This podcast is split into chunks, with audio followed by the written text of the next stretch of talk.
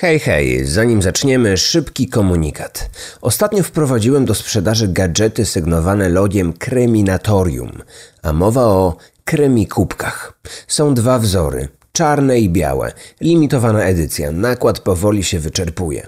Może znacie kogoś, kto chciałby dostać taki gadżet pod choinkę. Link do zakupu zostawiam w opisie tego odcinka.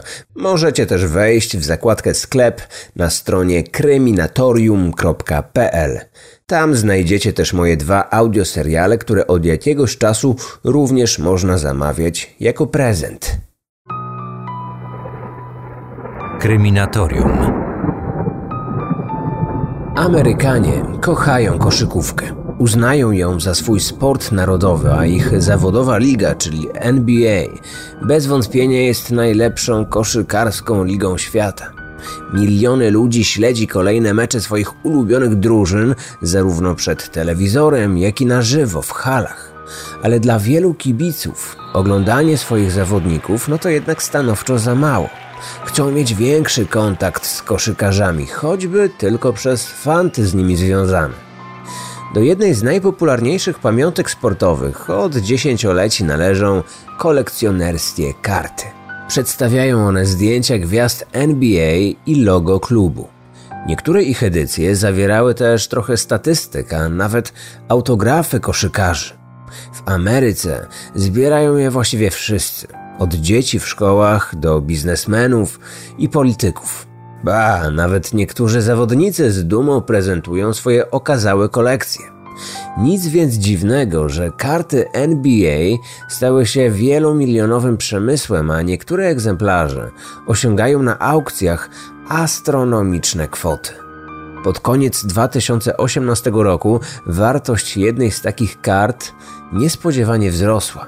I to nie z powodu popularności przedstawionego na niej koszykarza. Nawet nie dlatego, że trudno ją było zdobyć. Dla wielu kolekcjonerów najcenniejsze okazało się uwiecznione na zdjęciu tło. Za plecami koszykarza z klubu New York Knicks widoczni są kibice drużyny przeciwnej z Los Angeles, która była gospodarzem tego meczu. W pierwszym rzędzie siedzi para niepozornych nastolatków. Są braćmi, są zwyczajnie ubrani, nie wyróżniają się właściwie z tłumu. Z zaciekawieniem oglądają mecz. Ta karta, o której teraz mówię, ukazała się w roku 1990, jednak zdjęcie do niej zrobiono rok wcześniej. Dopiero 28 lat później jeden z internautów zwróci uwagę, że ci dwaj młodzieńcy kogoś mu przypominają i że ich obecność na tym meczu wiązała się z dość wyjątkową okolicznością. Dzień wcześniej ci chłopcy mieli jeszcze rodziców. W chwili, gdy zrobiono to zdjęcie, byli już sierotami. Jak do tego doszło? To wykaże dopiero policyjne śledztwo. Ta sprawa niedługo będzie jedną z najbardziej medialnych spraw kryminalnych w historii Ameryki. Wtedy, gdy trwał ten mecz, nikt nie znał jeszcze szczegółów potwornej zbrodni, do której doszło zaledwie kilkanaście kilometrów od hali, w której toczył się mecz. No właśnie, nikt z wyjątkiem tych dwóch braci. Tych, którzy siedzieli na trybunach i tych, którzy zostali uwiecznieni na kolekcjonerskiej karcie. Ja nazywam się Marcin Myszka, a to moje kryminatorium. Witam Was w kolejny poniedziałkowy poranek i przypominam, że nowe odcinki mojego podcastu znajdziecie tutaj regularnie co tydzień o tej samej porze. Kryminatorium. Otwieramy akta tajemnic. 45-letni Jose Menendez pochodził z Kuby. Początkowo żyło mu się tam dobrze. Rodzina odnoszących sukcesy sportowców mogła liczyć na wiele przywilejów niedostępnych dla większości kubańskiego społeczeństwa. Wszystko zmieniło się, gdy po komunistycznej rewolucji rządy na Kubie objął Fidel Castro. Władza nie patrzyła przychylnym okiem na bogatych przedsiębiorców, przejmując majątki przedstawicieli klasy wyższej, do której zaliczała się także rodzina Menendez. W kraju doszło do masowych likwidacji wszelkiej własności prywatnej. Kuba szybko zamieniła się w socjalistyczną ruinę. Ci mieszkańcy, którzy nie chcieli pogodzić się z nową rzeczywistością, postanowili wyemigrować. Rozpoczęły się masowe ucieczki z wyspy. Głównym celem Kubańczyków stały się niedalekie Stany Zjednoczone. I właśnie w tym kraju wylądował 16-letni José. Był rok 1960. Bez znajomości języka angielskiego, bez centa w portfelu, w dodatku doświadczając nieznanych mu wcześniej rasistowskich ataków. Jose w Pensylwanii czuł się obco i źle. Wiedział, że tylko ciężką pracą może osiągnąć cokolwiek. Ale Jose nie chciał czegokolwiek, on chciał znacznie więcej. Determinacja, upór, pewność siebie i talent organizatorski w końcu przyniosły upragniony sukces. Najpierw przyszło szczęście w miłości. Ożenił się z najpiękniejszą i najpopularniejszą dziewczyną w szkole. Mary Anderson, zwana przez wszystkich Kitty, była od niego trzy lata starsza. Dla pary nie stanowiło to przeszkody. Dla ich rodzin niestety już tak. Rodzice Jose nie chcieli, aby ich syn wiązał się ze starszą dziewczyną, w dodatku z rozbitej rodziny. Poza tym uważali, że był za młody na ślub i najpierw powinien skoncentrować się na karierze. Rodzice Kitty byli przerażeni, że ich córka związała się z nielegalnym imigrantem, który dla stuprocentowych Amerykanów był tylko synonimem biedy, zacofania i skłonności do łamania prawa. Młodzi nie posłuchali tych dobrych rad i uciekli razem do Nowego Jorku. Tam szybko objawił się talent Jose do pomnażania swoich pieniędzy. Szybko piął się po szczeblach zawodowej kariery. Ich miłość kwitła. Doczekali się dwóch synów. Lyle i Eric byli oczkiem w głowie ojca. Chciał dla nich jak najlepiej. Marzył, aby niczego im nie brakowało, ale przede wszystkim zamierzał wpoić chłopcom wartości, które były dla niego ważne: szacunek, pracowitość, oszczędność. Wychowani w luksusie bracia od dziecka sprawiali jednak problemy wychowawcze. Gdy nie udawało się po dobroci, Jose stawał się surowy. Twierdził, że to dla ich dobra i że kiedyś mu za to podziękują. No i jak się miało później okazać, podziękowali mu, ale w zupełnie inny sposób niż to sobie wyobrażał. Gdy Jose przekroczył czterdziestkę, miał już na koncie pierwszy milion dolarów. Później doszły kolejne. Po 16 latach spędzonych na wschodnim wybrzeżu, rodzina przeniosła się do słonecznej Kalifornii. Pan Menendez został szefem firmy działającej w showbiznesie. Pani Menendez zrezygnowała z kariery zawodowej i zajęła się domem. Chłopcy uczęszczali do najlepszych szkół. Szczęście rodzinne wydawało się kwitnąć.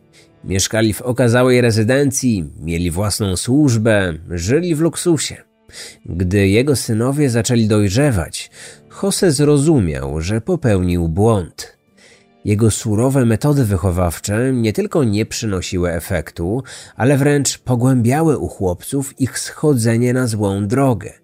Uczyli się coraz gorzej, okradali sąsiadów, zadawali się z niewłaściwym towarzystwem. W końcu ojciec nie wytrzymał. Zagroził synom, że jeżeli się nie zmienią, wydziedziczy ich i nie dostaną po jego śmierci ani centa. Oczywiście nie planował tego, ale czuł, że wystraszeni chłopcy zmiękną i zmądrzeją. Zupełnie nie zdawał sobie wówczas sprawy z tego, że grożąc swoim synom popełnia największy błąd w życiu. Błąd, za który już niedługo przyjdzie zapłacić nie tylko jemu samemu, ale i jego ukochanej żonie. Kilka dni później Lyle i Eric obejrzeli wspólnie swój ulubiony serial. Opowiadał on prawdziwą historię kilku młodzieńców z bogatych rodzin, którzy postanowili założyć swój tajny klub. Celem tych młodych mężczyzn było zaplanowanie zbrodni doskonałej, a ofiarą spiskowców miał się stać ojciec jednego z nich. Bracia zainspirowali się działaniami głównych bohaterów – Wiedzieli już, że nie mają innego wyjścia. Nie chcieli ciągłego nadzoru, nie chcieli kontrolowania ich wydatków, nie chcieli być biedni, nie chcieli mieć już rodziców. Niedzielny wieczór 20 sierpnia 1989 roku Lyle i Eric spędzali w kinie. W tym czasie ich rodzice odpoczywali w swoim pokoju, oglądali telewizję i jedli lody. Cieszyli się spokojem. Dokładnie 13 minut przed północą na posterunku policji w Beverly Hills odebrano zawiadomienie z centrali alarmowej. Dyspozytor zgłosił, że na ulicy Elm Drive ktoś zastrzelił małżeństwo w ich własnym domu. Na miejscu zbrodni wciąż przebywali ich synowie, którzy po odkryciu zwłok zadzwonili pod 911. Kilka minut później przed rezydencją pojawili się funkcjonariusze. Gdy obchodziliśmy rezydencję dookoła, nagle usłyszeliśmy krzyki dobiegające ze środka. Wyjęliśmy broni i pobiegliśmy w stronę głównych drzwi. Na naszych oczach dwóch młodych mężczyzn wybiegło z domu. Minęli podjazd i upadli na trawę tuż przy jezdni. Nie mogliśmy nawiązać z nimi żadnego kontaktu, wciąż tylko krzyczeli, że nie mogą zrozumieć, jak to się stało. Policjanci próbowali wydobyć od chłopców jakiekolwiek informacje. Bezskutecznie. Młodszy z braci zachowywał się w sposób irracjonalny. Zerwał się na równe nogi i zaczął biegać dookoła podjazdu. Nagle podbiegł do drzewa i zaczął uderzać swoją głową w pień. Starszy z braci zachowywał spokój. Próbował powstrzymać Erika przed zrobieniem sobie krzywdy. Ocierał krew z jego rozbitej głowy.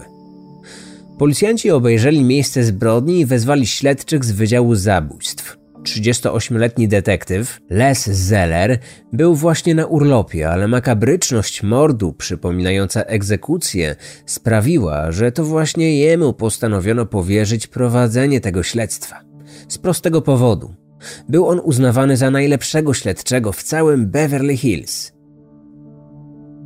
Pokój, w którym zastrzelono państwo Menendez, był w nieładzie, ale nic nie wskazywało na to, że cały ten bałagan powstał podczas napadu. Nic nie zostało skradzione, nie było śladów włamania. Ewidentnie ofiary późnym wieczorem same wpuściły do środka swoich oprawców. Tylko jedno było pewne: mordercy dokonali bezlitosnej egzekucji. I nie chodziło przy tym tylko o pozbawienie życia małżeństwa. Strzelano tak, aby maksymalnie zmasakrować ich ciała. Sprawców musiało być co najmniej dwóch. Strzały oddano z broni używanej do polowań. Jeden z pocisków niemal całkowicie oderwał mężczyźnie głowę. Kobieta została postrzelona w pierś, prawe ramię, lewe biodro i nogę. Następnie zabójcy przeładowali broń i zaczęli strzelać do martwych ofiar, głównie w ich twarze. Detektyw nie mógł zrozumieć, jaki motyw można było usprawiedliwiać takim bestialstwem. Zemsta, porachunki biznesowe, a może tajemnicza kubańska przeszłość Jose, której śledczy nie znali. Jeszcze tej samej nocy bracia Menendez zostali zabrani na posterunek. Nie uważano ich za osoby podejrzane. Liczono jednak, że ich zeznania pomogą policji w ustaleniu tożsamości potencjalnych morderców. Próbowano ustalić, co chłopcy robili w dzień mordu, z kim rozmawiali. Czy wokół domu kręcili się jacyś podejrzani ludzie? Ktoś groził tej rodzinie? Czy rodzice mieli jakichś wrogów? Śledczy nie dowiedzieli się jednak niczego konkretnego. Erik wpadł w panikę. Płakał i krzyczał. Nie mógł usiedzieć na krześle. Lyle zachowywał większy spokój. Był opanowany. Na pytania odpowiadał krótko i rzeczowo, ale jego zeznania nie dały detektywom żadnych wskazówek. Udało się jedynie ustalić, że ten tragiczny dzień bracia spędzili razem. Gra w tenisa, zakupy, oglądanie telewizji i wieczorne wyjście do kina. Nic szczególnego w bogatych rodzinach. Około 22 pojechali na lokalny festyn, ale pomylili drogi i zabłądzili. Następnie umówili się ze znajomym na drinka w jednym z lokali. Aby niepełnoletni jeszcze Erik mógł im towarzyszyć, potrzebował swojego fałszywego prawa jazdy z odpowiednią datą urodzenia. W tym celu chłopcy postanowili wpaść po ten dokument do domu. Gdy weszli do środka, natknęli się na martwe ciała swoich rodziców. Wtedy zadzwonili na 911. Tylko tyle i aż tyle. Lyle nie był w stanie wskazać motywu tej zbrodni. Podkreślił jednak, że od jakiegoś czasu jego matka sprawiała wrażenie, jakby czegoś się bała albo kogoś. Kobieta była w złym stanie psychicznym. Kilka razy dziennie sprawdzała, czy drzwi do domu są zamknięte na klucz, nawet w środku dnia, co wcześniej nigdy jej się nie zdarzało. Całe przesłuchanie trzeba było przerwać już po 20 minutach. Stan psychiczny Erika nie pozwalał na kontynuowanie. Braci z posterunku policji odebrał ich osobisty psychiatra, dr Ozil, który zajmował się chłopcami od kilku lat. Gdy wychodzili, detektyw zapytał jeszcze, kto mógł na tyle mocno nienawidzić ich rodziców, że zdecydował się na tak makabryczną egzekucję. Lyle odpowiedział, że jego zdaniem zrobiła to mafia. Osieroceni bracia wyprawili swoim rodzicom bardzo kosztowny pogrzeb. Ku zaskoczeniu obecnych na ceremonii gości, Lyle i Eric spóźnili się na jej rozpoczęcie ponad godzinę. Jak się później okazało, w tym czasie byli na zakupach i dużo czasu zabrało im wybieranie nowych zegarków. Podczas pogrzebu Eric płakał, rozpaczał. Natomiast Lyle zachowywał zimny spokój i opanowanie, jakby zupełnie nie był przejęty tą przykrą dla niego chwilą. Już cztery dni później obaj bracia wpadli w prawdziwy szał zakupów. Kolejne zegarki, drogie ubrania, sprzęt grający. W niecały miesiąc wydali łącznie blisko milion dolarów i zbytnio się z tym nie kryli. Do najdroższych nabytków należały oczywiście nowe samochody. Lyle kupił sobie Porsche, Eric najnowszego Jeepa.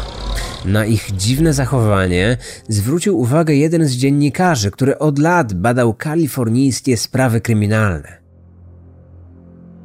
Widziałem już wiele w swoim życiu, ale nawet najbardziej bezduszna wdowa, która wyszła za milionera tylko dla pieniędzy, potrafiłaby się dłużej powstrzymać przed tak nieostrożnym wydawaniem odziedziczonego właśnie spadku.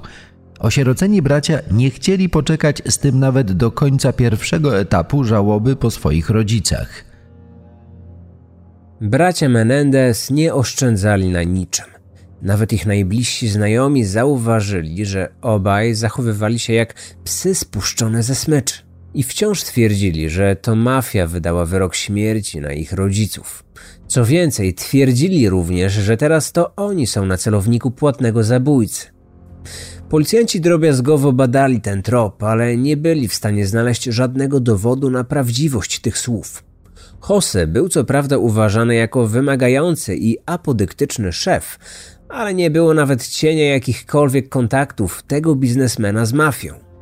Nagle, w połowie września, niecały miesiąc po morderstwach, Lyle zwolnił wynajętych ochroniarzy.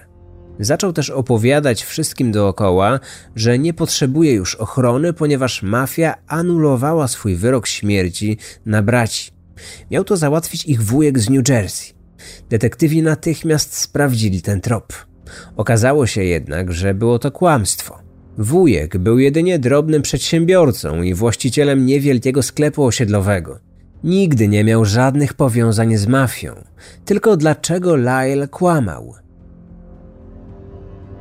Tymczasem pieniądze ze spadku zaczęły topnieć szybciej niż bracia planowali. Dopiero po dokładnym sprawdzeniu stanu konta okazało się, że chłopcy znacznie przeszacowali wysokość rodzinnego majątku.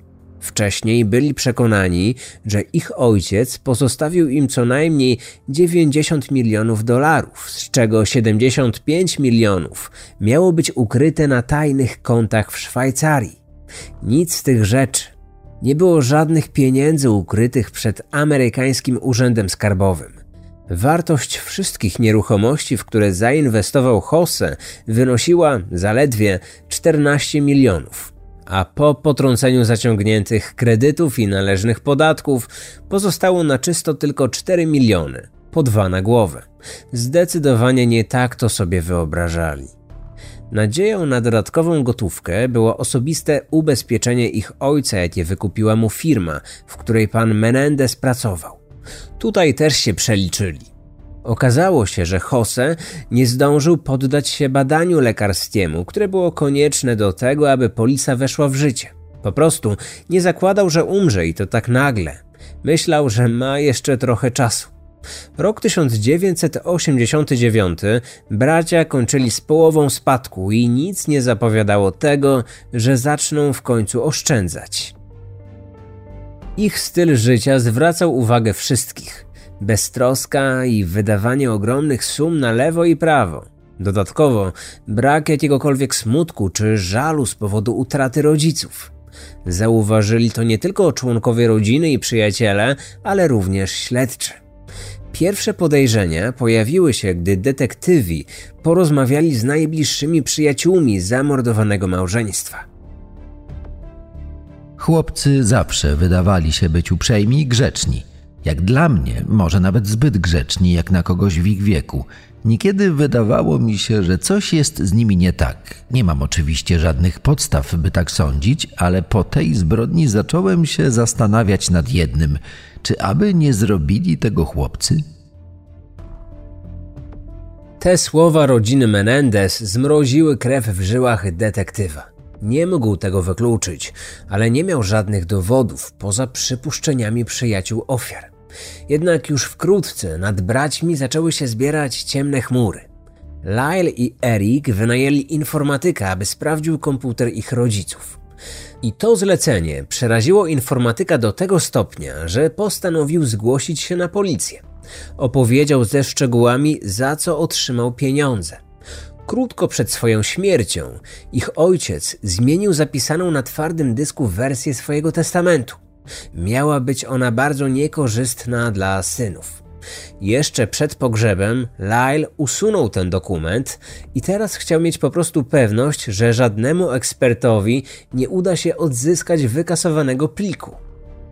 Informatyk nie trafił na żaden ślad po usuniętym testamencie, a gdy skończył, usłyszał, że taki nigdy nie istniał. Lyle potrzebował informatyka do swojej firmy, a całe zadanie miało być jedynie testem jego umiejętności. Mimo to informatyk nabrał podejrzeń i powiadomił policję. Śledczy potrzebowali jednak dowodów. Słowa Laila takim dowodem nie były, ale poszlaką jak najbardziej. Wkrótce pojawił się kolejny człowiek, który zaczął podejrzewać, że w zbrodni na Menendezach swoje palce mogli maczać ich synowie. Craig był to szkolny kolega Erika. Kiedy pewnego dnia ten chłopak odwiedził go w domu, gdy doszło do morderstwa, ten oprowadził go po rezydencji. Wchodząc do pokoju, w którym zginęli jego rodzice, Erik zapytał niespodziewanie, czy jego gość chce dowiedzieć się, jak naprawdę zginęli. Młodszy z braci opowiedział, że w noc zbrodni wrócili do domu po jego fałszywe dokumenty. Starszy brat czekał na niego w samochodzie zaparkowanym na podjeździe rezydencji. Gdy młodszy z nich wyszedł z domu i podszedł do auta, ten starszy dał mu do ręki strzelbę, mówiąc, że już najwyższy czas to zrobić. Milczeli przez chwilę, patrząc na siebie. Potem obaj wrócili do domu. Według Craiga plan był następujący. Lyle miał zastrzelić ojca, a Eric matkę. Weszli do pokoju rodziców. Jose siedział na kanapie i oglądał telewizję. Kitty spała z głową na jego kolanach. Ich starszy syn podszedł od tyłu i stanął za kanapą. Przyłożył lufę strzelby do głowy ojca i pociągnął za spust. Wtedy ich matka obudziła się i przerażona próbowała uciec. Erik nie był jednak w stanie zabić własnej matki. Lyle nie miał z tym problemów. Craig swoje zeznania zakończył tym, że nie do końca wierzył w słowa Erika, ponieważ na końcu opowieści miał się on głośno zaśmiać oraz wypowiedzieć zdanie: Mogło się tak wydarzyć, prawda? I właśnie te wypowiedziane słowa sprawiły, że zeznanie tego świadka nie mogło zostać odebrane przez śledczych jako dowód, którego potrzebowali. To, że mogło się tak wydarzyć, nie oznaczało przecież tego, że tak się wydarzyło. Pod koniec października detektyw postanowił porozmawiać z braćmi. Przybył do ich domu, ale zastał tam tylko młodszego z nich. Od razu dostrzegł, że Erik jest wrażliwszy od swojego brata i znacznie słabszy psychicznie. Postanowił tak prowadzić rozmowę, żeby wydobyć od niego jak najwięcej informacji na temat tego drugiego, Laila. Dzięki temu dowiedział się, że pomiędzy braćmi od jakiegoś czasu dochodziło do konfliktów. Erik poskarżył się, że Lyle jest tak samo apodyktyczny jak jego ojciec, że próbował manipulować nim, a od kiedy okazało się, że odziedziczyli mniej pieniędzy niż zakładali, zaczął rozliczać go z każdego wydanego dolara. Co więcej, Erik odniósł także wrażenie, że Lyle próbował przejąć jego część spadku. Detektyw zauważył, że chłopak, choć starał się być chłodny i opanowany, to w rzeczywistości wydawał się być bardzo zdenerwowany. Wkrótce okazało się, że detektyw miał rację. Zaraz po wyjściu detektywa Eric Pękł zadzwonił do swojego psychiatry. Umówił się z nim na wizytę.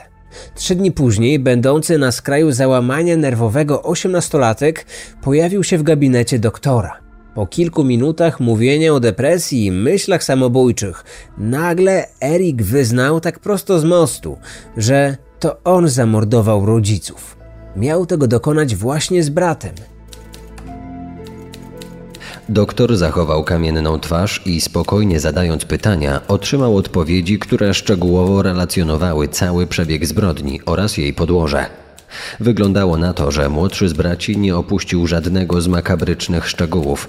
Zaczął od wyjawienia prawdy o samym pomyśle dokonania podwójnego morderstwa. Powiedział o inspiracji telewizyjnym serialem, o planie zabójstwa i podziale ról między braćmi, a także o tym, że najpierw planowali pozbyć się wyłącznie ojca. Dopiero z czasem doszli do przekonania, że matka też powinna umrzeć. Dlaczego?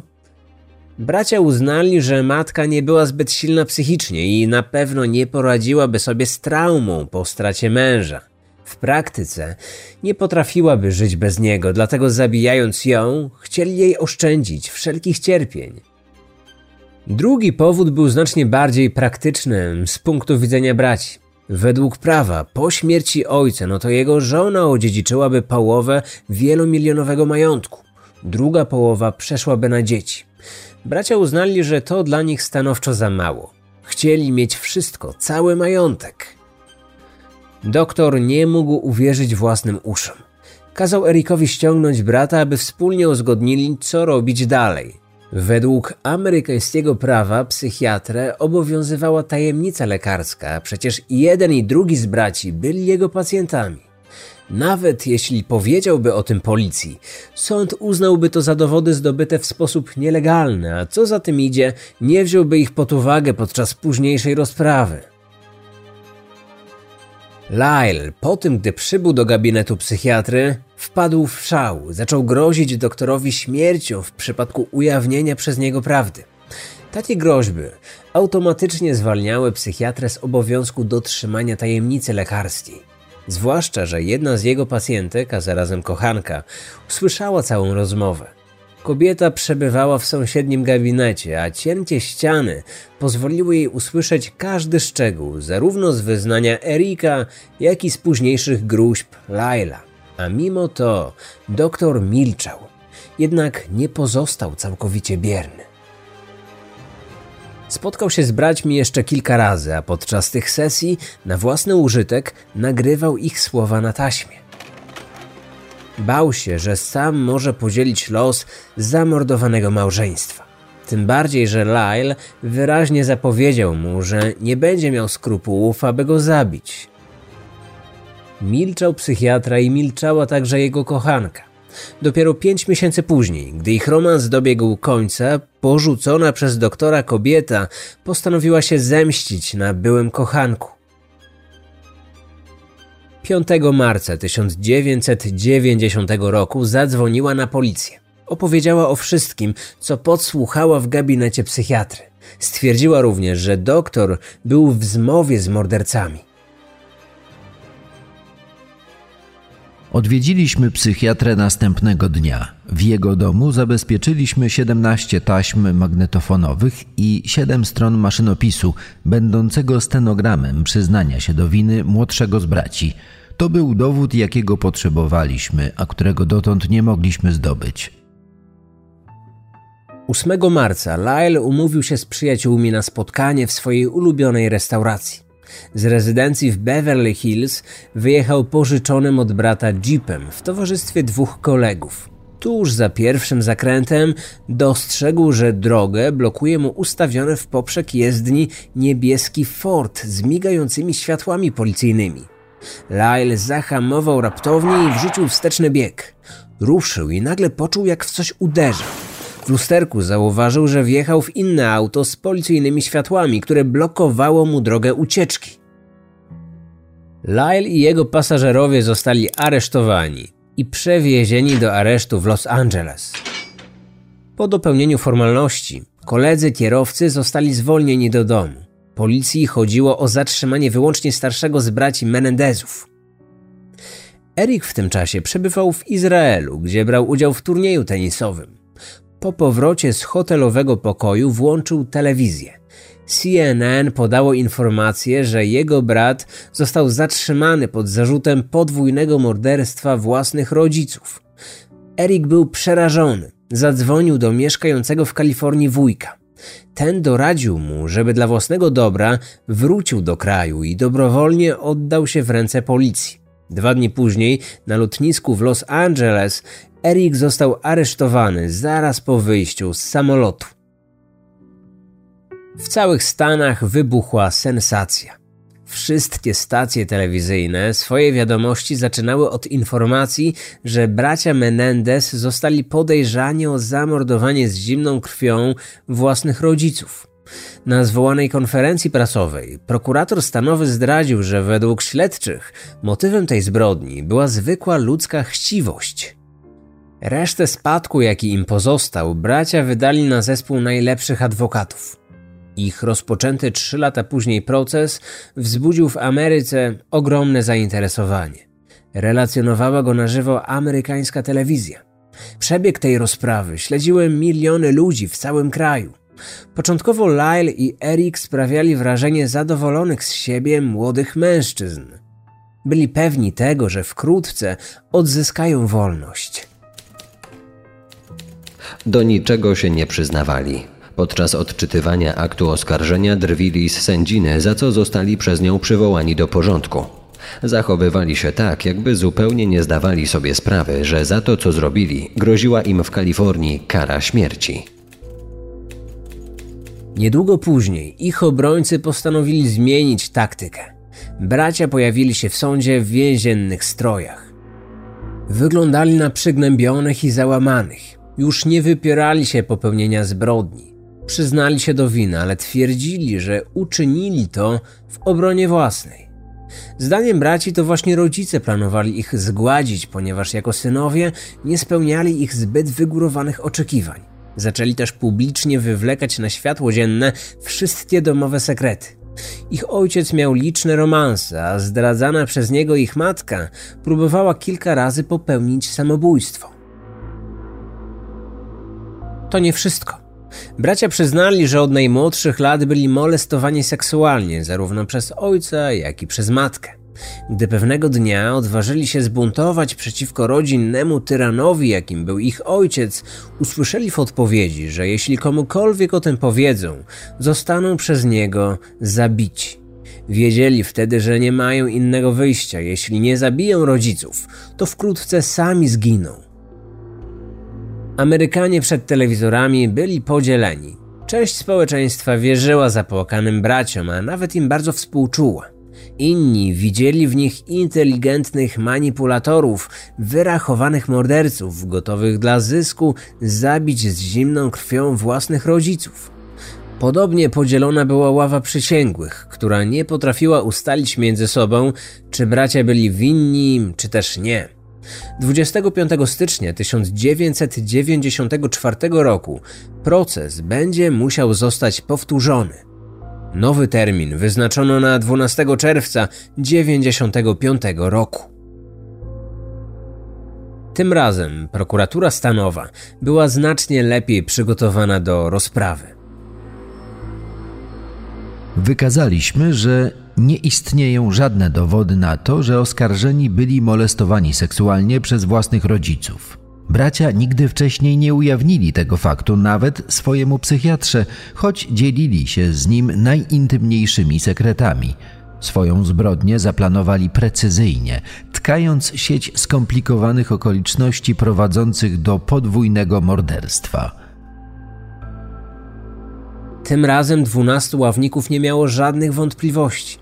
Racja była po stronie oskarżycieli.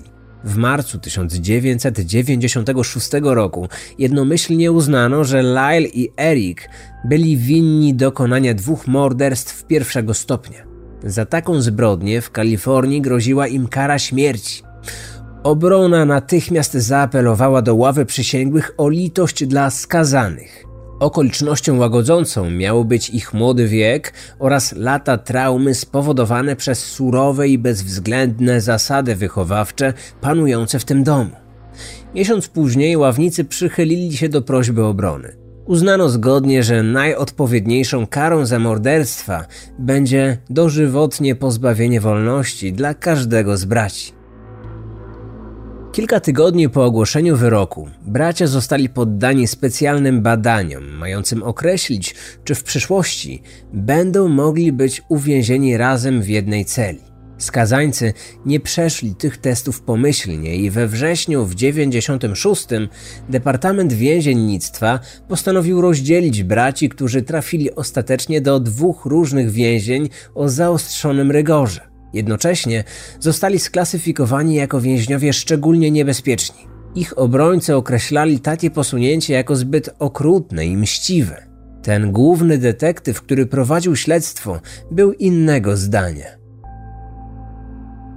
Jestem zadowolony, że ci dwaj mordercy zostali rozdzieleni i że już nigdy się nie spotkają. Myślę, że będąc blisko siebie, nawet w więzieniu, stanowiliby zagrożenie dla innych. Osobno nie są groźni, ale razem stanowią realne zagrożenie dla każdego, kto znajdzie się w ich pobliżu.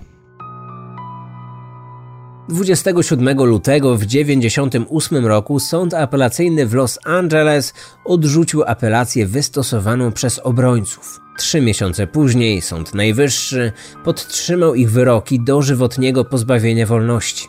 Skazani nigdy nie będą mogli ubiegać się o zwolnienie warunkowe. Dwa lata temu o braciach znowu zrobiło się głośno.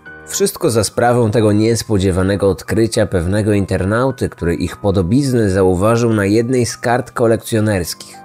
W ciągu kilku następnych tygodni ta kilkudolarowa wartość tej karty, o której wspomniałem na wstępie, wzrosła ponad dziesięciokrotnie. Niektórzy gotowi byli za nią zapłacić nawet kilkaset dolarów.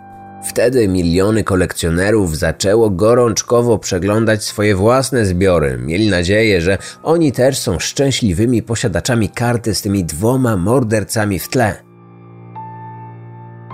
Dziś Lyle ma 54 lata, Eric 51. Jeden i drugi jest żonaty. Swoje żony poznali korespondencyjnie, będąc już w więzieniu. Prawo stanu Kalifornia zabrania więźniom skazanym za morderstwo pierwszego stopnia otrzymania przywilejów związanych z intymnymi widzeniami. Oznacza to, że mogą widywać swoje żony, ale ich małżeństwa nigdy nie zostaną skonsumowane.